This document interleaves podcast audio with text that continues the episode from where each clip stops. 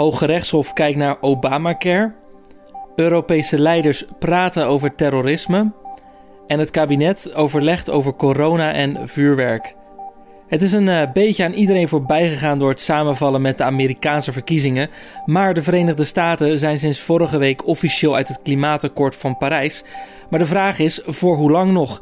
Er is een nieuwe president gekozen, Joe Biden, die voor wat dat betreft een mijlenver van de huidige president Donald Trump afstaat. Wat betekent zijn presidentschap voor het verdrag en voor het klimaat? Dit wordt het nieuws. Ja, ik denk de belangrijkste manier om er naar te kijken is niet zozeer dat, um, dat Biden heel veel gaat doen, maar dat je het andere scenario er tegenover moet zetten. En dat is wat het zou hebben betekend als Trump een uh, tweede termijn zou krijgen. En um, het Parijsakkoord kan een tijd lang zonder de VS, maar het Parijsakkoord kan niet eeuwig zonder de VS. Dan, dan sneuvelt het akkoord. Dat was nu.nl klimaatjournalist Rolf Schuttenhelm. We praten zo met hem verder over wat Bidens presidentschap betekent voor het Parijsakkoord.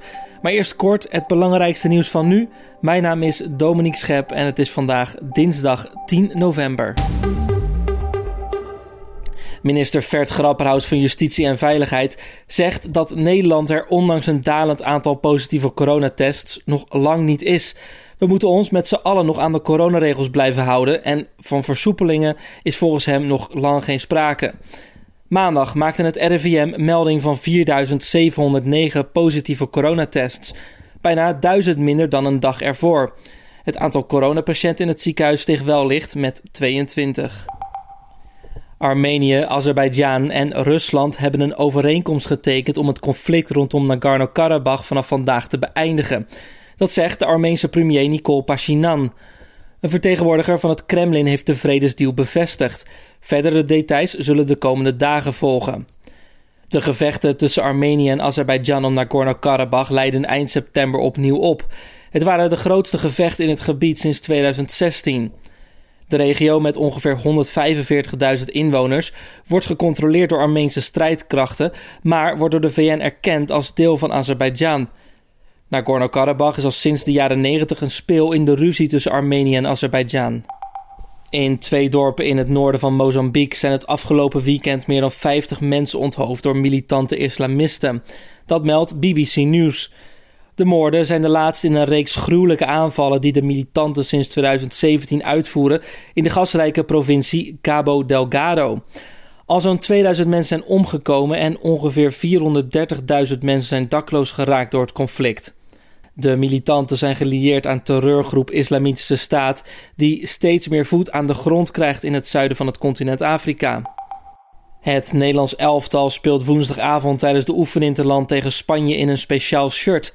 Op de tenues van de Oranje Internationals zal de boodschap hashtag One prijken als statement tegen racisme. Het is bijna een jaar nadat Oranje een eerste statement tegen racisme maakte. Dat gebeurde toen naar aanleiding van spreekkoren bij de wedstrijd tussen FC Den Bosch en Excelsior in de keukenkampioen-divisie. De nieuw gekozen Amerikaanse president Joe Biden heeft maandag Amerikanen opgeroepen om een mondkapje te dragen. Doe het voor jezelf, doe het voor je buren, aldus Biden, die benadrukte dat het dragen van een mondmasker geen politiek statement is. Hij hield gisteren een toespraak in zijn woonplaats Wilmington in de Amerikaanse staat Delaware.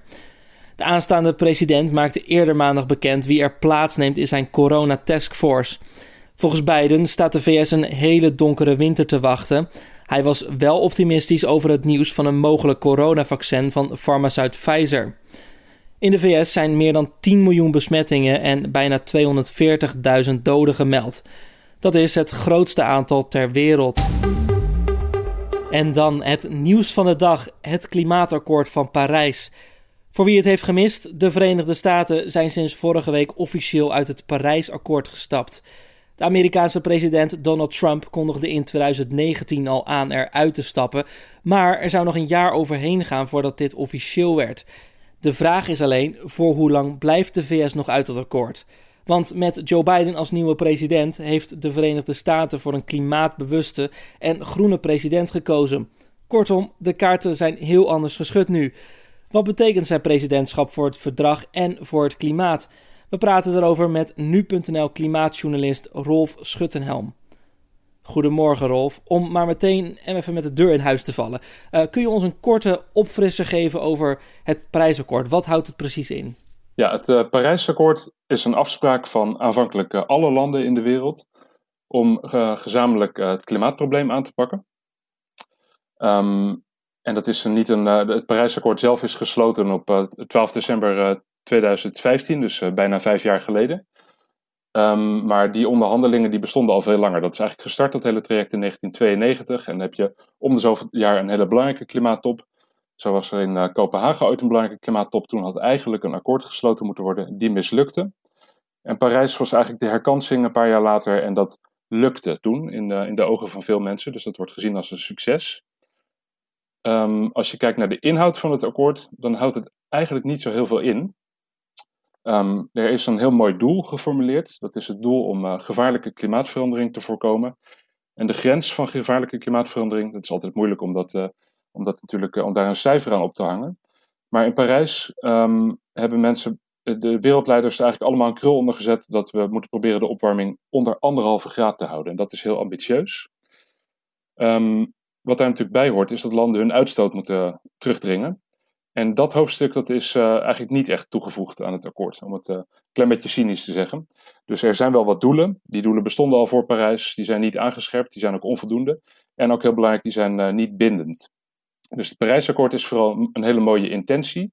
Um, maar in volgende klimaattoppen en in volgende jaren moet daar nog veel meer invulling aan gegeven worden. Mm, Oké, okay. ja, er, er ligt dus een akkoord zonder concrete maatregelen, zeg je. Wat is nu de stand van het verdrag? Zijn alle landen al ermee begonnen? Um, nou, wat je altijd hebt is, e-, eerst wordt er een, eh, een handtekening ondergezet, daarna moet het nog worden geratificeerd. Um, en dat, dat duurt, uh, bij het Parijsakkoord was het eigenlijk heel snel. Een beetje in een jaar tijd hadden de meeste landen dat al wel gedaan. De grote ontwikkeling is toen de verkiezing van Trump geweest. Dat was eigenlijk uh, minder dan een jaar na het akkoord. En die gaf meteen al aan dat de VS eruit zou stappen. En dat heeft eigenlijk de hele energie uit dat uh, proces gehaald. In, in elk geval voor, laten we zeggen, twee jaar. Um, dus wat er meteen op de agenda stond na het sluiten van het akkoord waren die emissiedoelen. Landen moeten betere emissiedoelen stellen. Maar als je dan hoort dat de grootste economie van de wereld zegt wij doen niet meer mee. Dan, um, dan denken andere landen natuurlijk ook, ja, dan zijn wij gekke gerritjes als wij voorop gaan lopen. Dus dat werd een, heel, een hele moeilijke, heel, heel moeilijk traject. Um, om daar nog wat cijfers aan te hangen, de emissiedoelen die bestaan van landen, als, als, je, nou, als de wereld daarmee doorgaat, dan wordt het meer dan drie graden warmer. Terwijl dus in Parijs is afgesproken om de opwarming um, bij voorkeur onder de anderhalve graad te houden. Dus daar is een enorme kloof te dichten. En daar is eigenlijk in de afgelopen jaren bijna geen uh, progressie geboekt. Behalve um, dat vorig jaar, en dat is toch best wel, um, best wel knap, de Europese Unie erin geslaagd is om uh, de Green Deal uh, te sluiten. En die heeft toen eigenlijk als eerste dat wel gedaan, nieuwe doelen gesteld. Um, dus een beetje tegen de mode van de tijd in.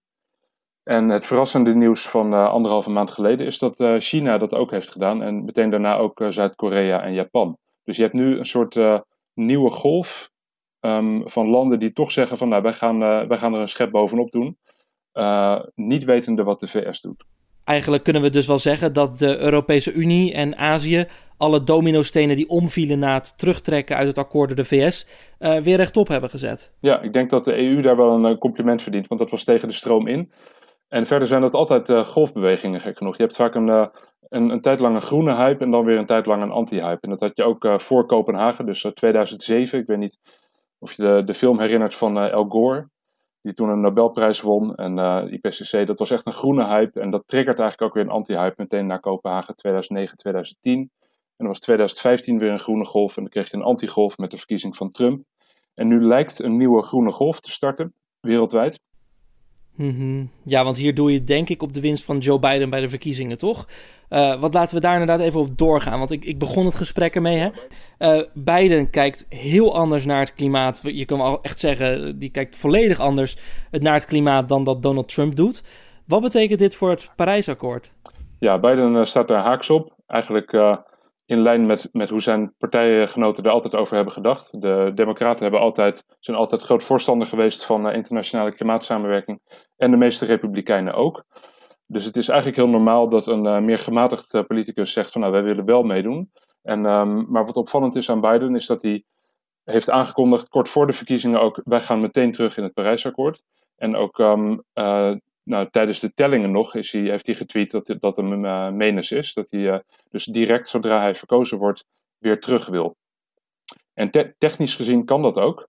Dat is omdat ehm, Trump wel uit het Parijsakkoord is gestapt, maar niet uit het overkoepelende VN-orgaan. Dus het UNFCCC, dat is het VN-klimaatverdrag. Daar is de VS nog steeds lid van.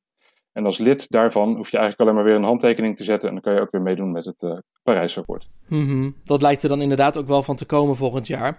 Ehm, wat ik ook heel opvallend vond, is dat Biden, ondanks de coronacrisis en de, de slechte staat van de economie van de VS op dit moment, uh, ook echt het klimaat als uh, speerpunt stelde bij deze campagne. Onder Trump was dit natuurlijk nooit echt een issue. Maar als je nu ziet dat toch een meerderheid van de Amerikanen op Joe Biden heeft gestemd, lijkt het er bijna op dat de VS zegt: hé uh, hey jongens, het wordt nu tijd dat wij ook iets gaan doen aan dat klimaat. Of zit ik hiernaast? Ja, dat is interessant, want die meerderheid is eigenlijk veel groter dan uh, de stemmen voor Biden. Um, een, uh, een, een, ruime en groeiende meerderheid van Amerikanen maakt zich zorgen over klimaatverandering. Dat betekent dus ook dat ze het klimaatprobleem erkennen. Dus het is echt maar een hele kleine groep die het klimaatprobleem ontkent. Um, en, um, en dat betekent dus ook, dat, is, uh, dat blijkt uit bevolkingsonderzoeken, dat het meer dan 70% is, dat, daar ook, dat dat ook onder republikeinen leeft en dat toenemend. Dan uh, wil ik het even gaan hebben over de Amerikanen zelf. Um, jij schreef afgelopen week een interessant artikel, al zeg ik het zelf, op nu.nl. Over waarom een Amerikaan meer uitstoot, meer CO2 uitstoot dan een Europeaan. Ook schreef je daarin dat de VS na China de grootste uitstoter van CO2 ter wereld is.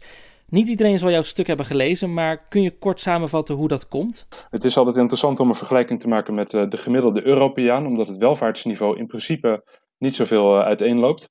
En dan zie je dat een gemiddelde Amerikaan ongeveer twee keer zoveel uitstoot als een gemiddelde Europeaan.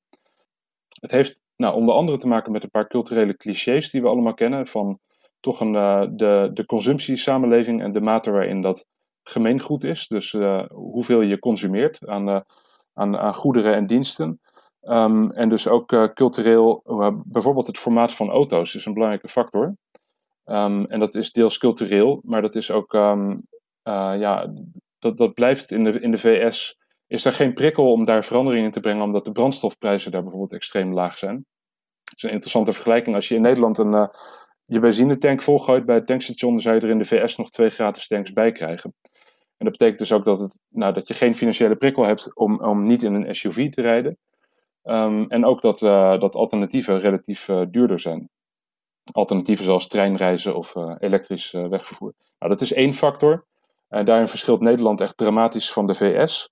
En een andere factor is het, het energiesysteem in de VS, dat nog heel sterk leunt op fossiele brandstoffen, waaronder steenkool. Um, en dat is meer vergelijkbaar met in Nederland, met de situatie in Nederland. We hebben ook maar 11% eh, duurzame energie, net als de VS. Um, ehm, maar andere Europese landen bijvoorbeeld zijn daar veel verder in.